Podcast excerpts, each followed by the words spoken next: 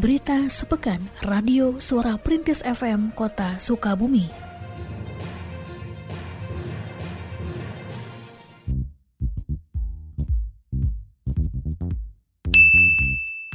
SDN Dewi Sartika Cipta Bina Mandiri bekerja sama dengan Puskesmas Selabatu kembali menggelar vaksinasi COVID-19 dosis kedua untuk pelajar usia 6 hingga 11 tahun. Kegiatan vaksinasi tersebut dibagi ke dalam dua sesi, dimulai dari tanggal 1 hingga 2 Maret 2022 karena kondisi pembelajaran tatap muka atau PTM masih berjalan terbatas. Kepala Puskesmas Selabatu mengatakan, hari pertama pelaksanaan vaksinasi menargetkan siswa-siswi kelas 1 hingga kelas 3. Sedangkan pada hari kedua direncanakan diikuti siswa kelas 4 hingga kelas 6. Adapun sesuai dengan capaian vaksinasi dosis pertama, jumlah siswa yang ditargetkan mendapatkan vaksinasi dosis kedua sebanyak 598 orang. Ia menjelaskan, pelaksanaan vaksinasi COVID-19 di SDN Dewi Sertika Cipta Bina Mandiri bisa berjalan dengan baik, meski terdapat beberapa kendala seperti siswa yang sedang tidak dalam kondisi fit ketika vaksinasi dilaksanakan. Uh, sasaran kita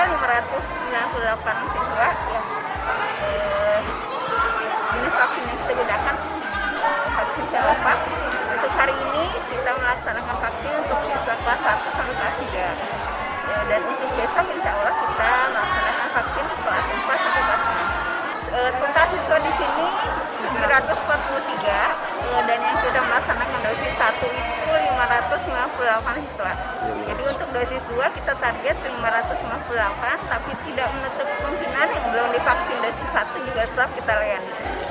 Untuk kendala vaksin anak mungkin uh, masih ada uh, orang tua yang khawatir ya Pak ya. Terus juga kondisi anak uh, yang memang sedang tidak sehat pada saat pelaksanaan vaksin. Jadi memang untuk uh, selanjutnya kita lakukan sweeping ataupun uh, siswa yang belum ikut vaksin hari ini bisa ikut di jadwal berikutnya. Pemerintah Kota Sukabumi telah mengevaluasi tiga hal terkait status PPKM level 4 yang ditetapkan dalam Instruksi Menteri Dalam Negeri Inmendagri nomor 13 tahun 2022. Hal tersebut disampaikan Wali Kota Sukabumi Ahmad Fahmi selepas kegiatan di SMP Negeri 6 pada hari Rabu 2 Maret 2022. Ketiga hal tersebut adalah capaian vaksinasi COVID-19, kapasitas respon, dan transmisi komunitas.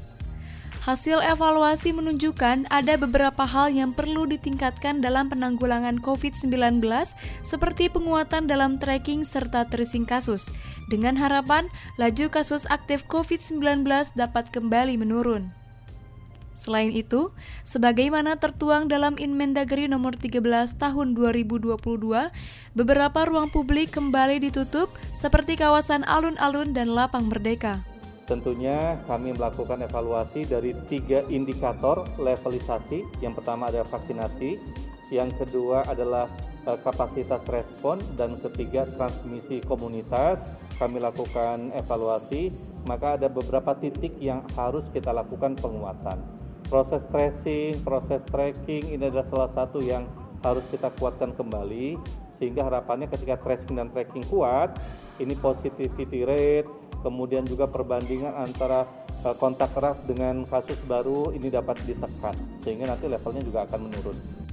Sementara itu, pada kesempatan yang sama, Kepala Dinas Pendidikan dan Kebudayaan Kota Sukabumi Hasan Asari menyampaikan bahwa mulai hari Jumat 4 Maret 2022, sesuai dengan surat keputusan bersama SKB 4 Menteri, seluruh proses pembelajaran di berbagai sekolah negeri dan swasta kembali dilakukan secara daring atau online, imbas dari penerapan PPKM level 4.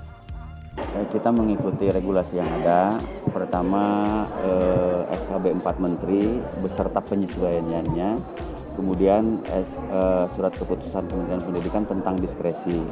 Berdasarkan kedua surat keputusan itu bahwa jika suatu wilayah daerah menempati level 4 maka PJJ-nya apa maka proses pembelajarannya menjadi pembelajaran jarak jauh sesuai dengan arahan Pak Wali dan hasil apa teman-teman eh, kita akan eh,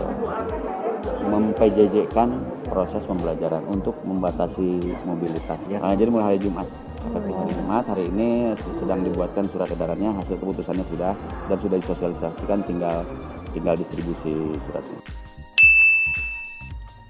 Wali Kota Sukabumi, Ahmad Fahmi, menyerahkan bantuan sebesar 15 juta rupiah yang bersumber dari program udunan online untuk Tuti Mariati, seorang warga Kelurahan Nangleng yang membutuhkan bantuan untuk renovasi rumah tidak layak huni.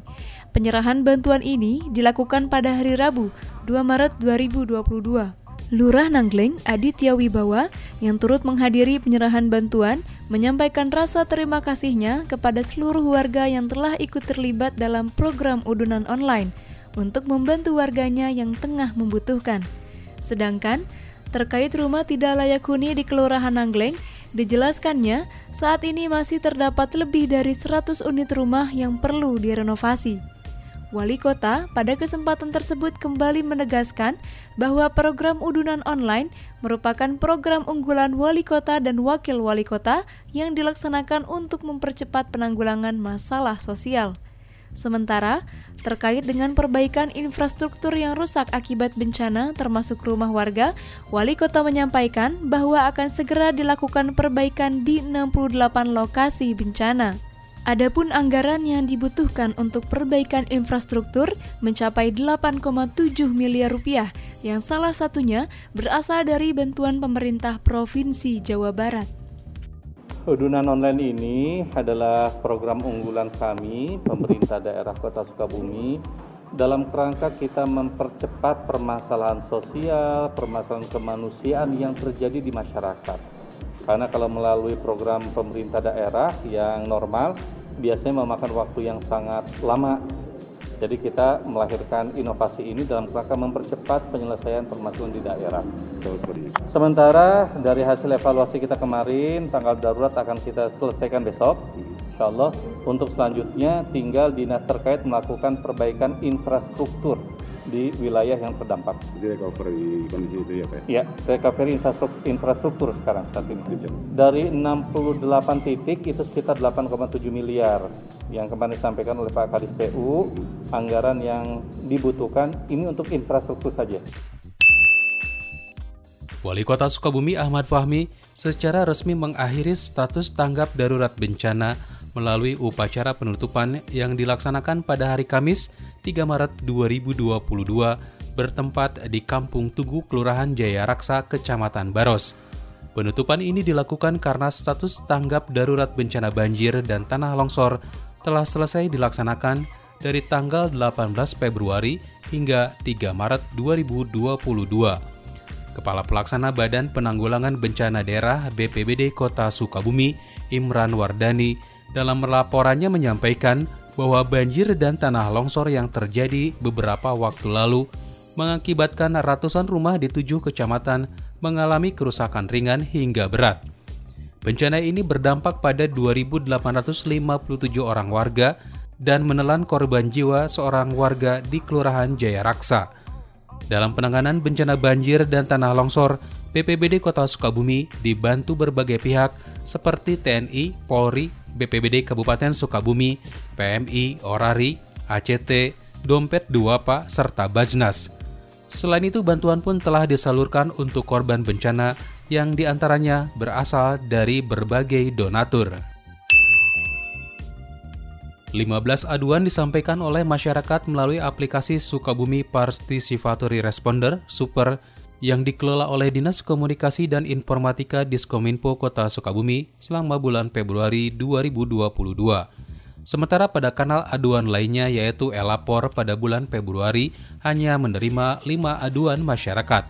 Data bidang informasi dan komunikasi publik Diskominfo Kota Sukabumi menunjukkan 15 aduan melalui aplikasi super didominasi oleh aduan mengenai masalah ketertiban umum dan fasilitas publik sedangkan sisanya adalah masalah kesehatan, kependudukan, dan sosial.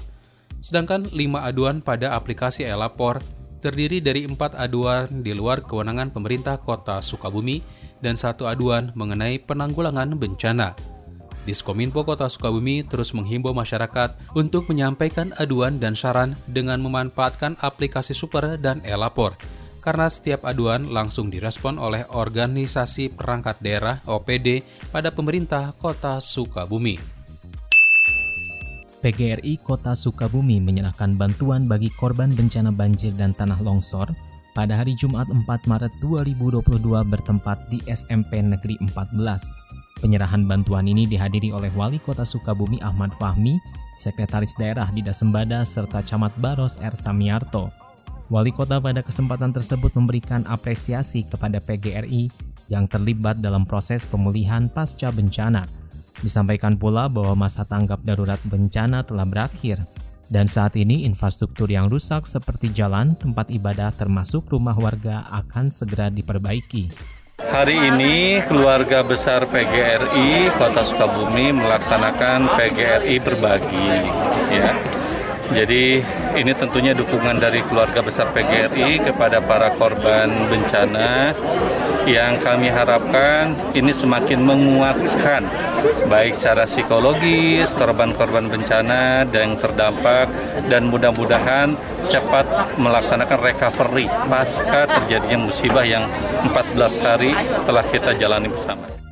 Sementara Ketua Pelaksana Kegiatan Histato Dayanto Kobasah mengatakan bahwa bantuan yang diberikan sebesar Rp38.600.000 dan disalurkan kepada 13 orang korban bencana, 88 orang siswa, serta diperuntukkan pula untuk membantu perbaikan dua rumah ibadah. Selain itu, bantuan dari PGRI Jawa Barat menurut rencana akan segera disalurkan pekan depan.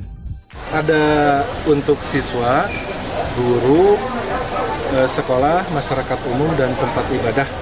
Jadi eh, jumlahnya untuk GTK ini ada 13 orang, masyarakat ada 5, tempat ibadah ada dua, eh, yang Masjid Al-Ikhlas Kelurahan Jaya Raksa sekolah ini 4 siswa 88 dan yang dititipkan ke yayasan satu ya. jadi semua yang terkena dampak sekota Sukabumi dipusatkan hari ini di SMP 14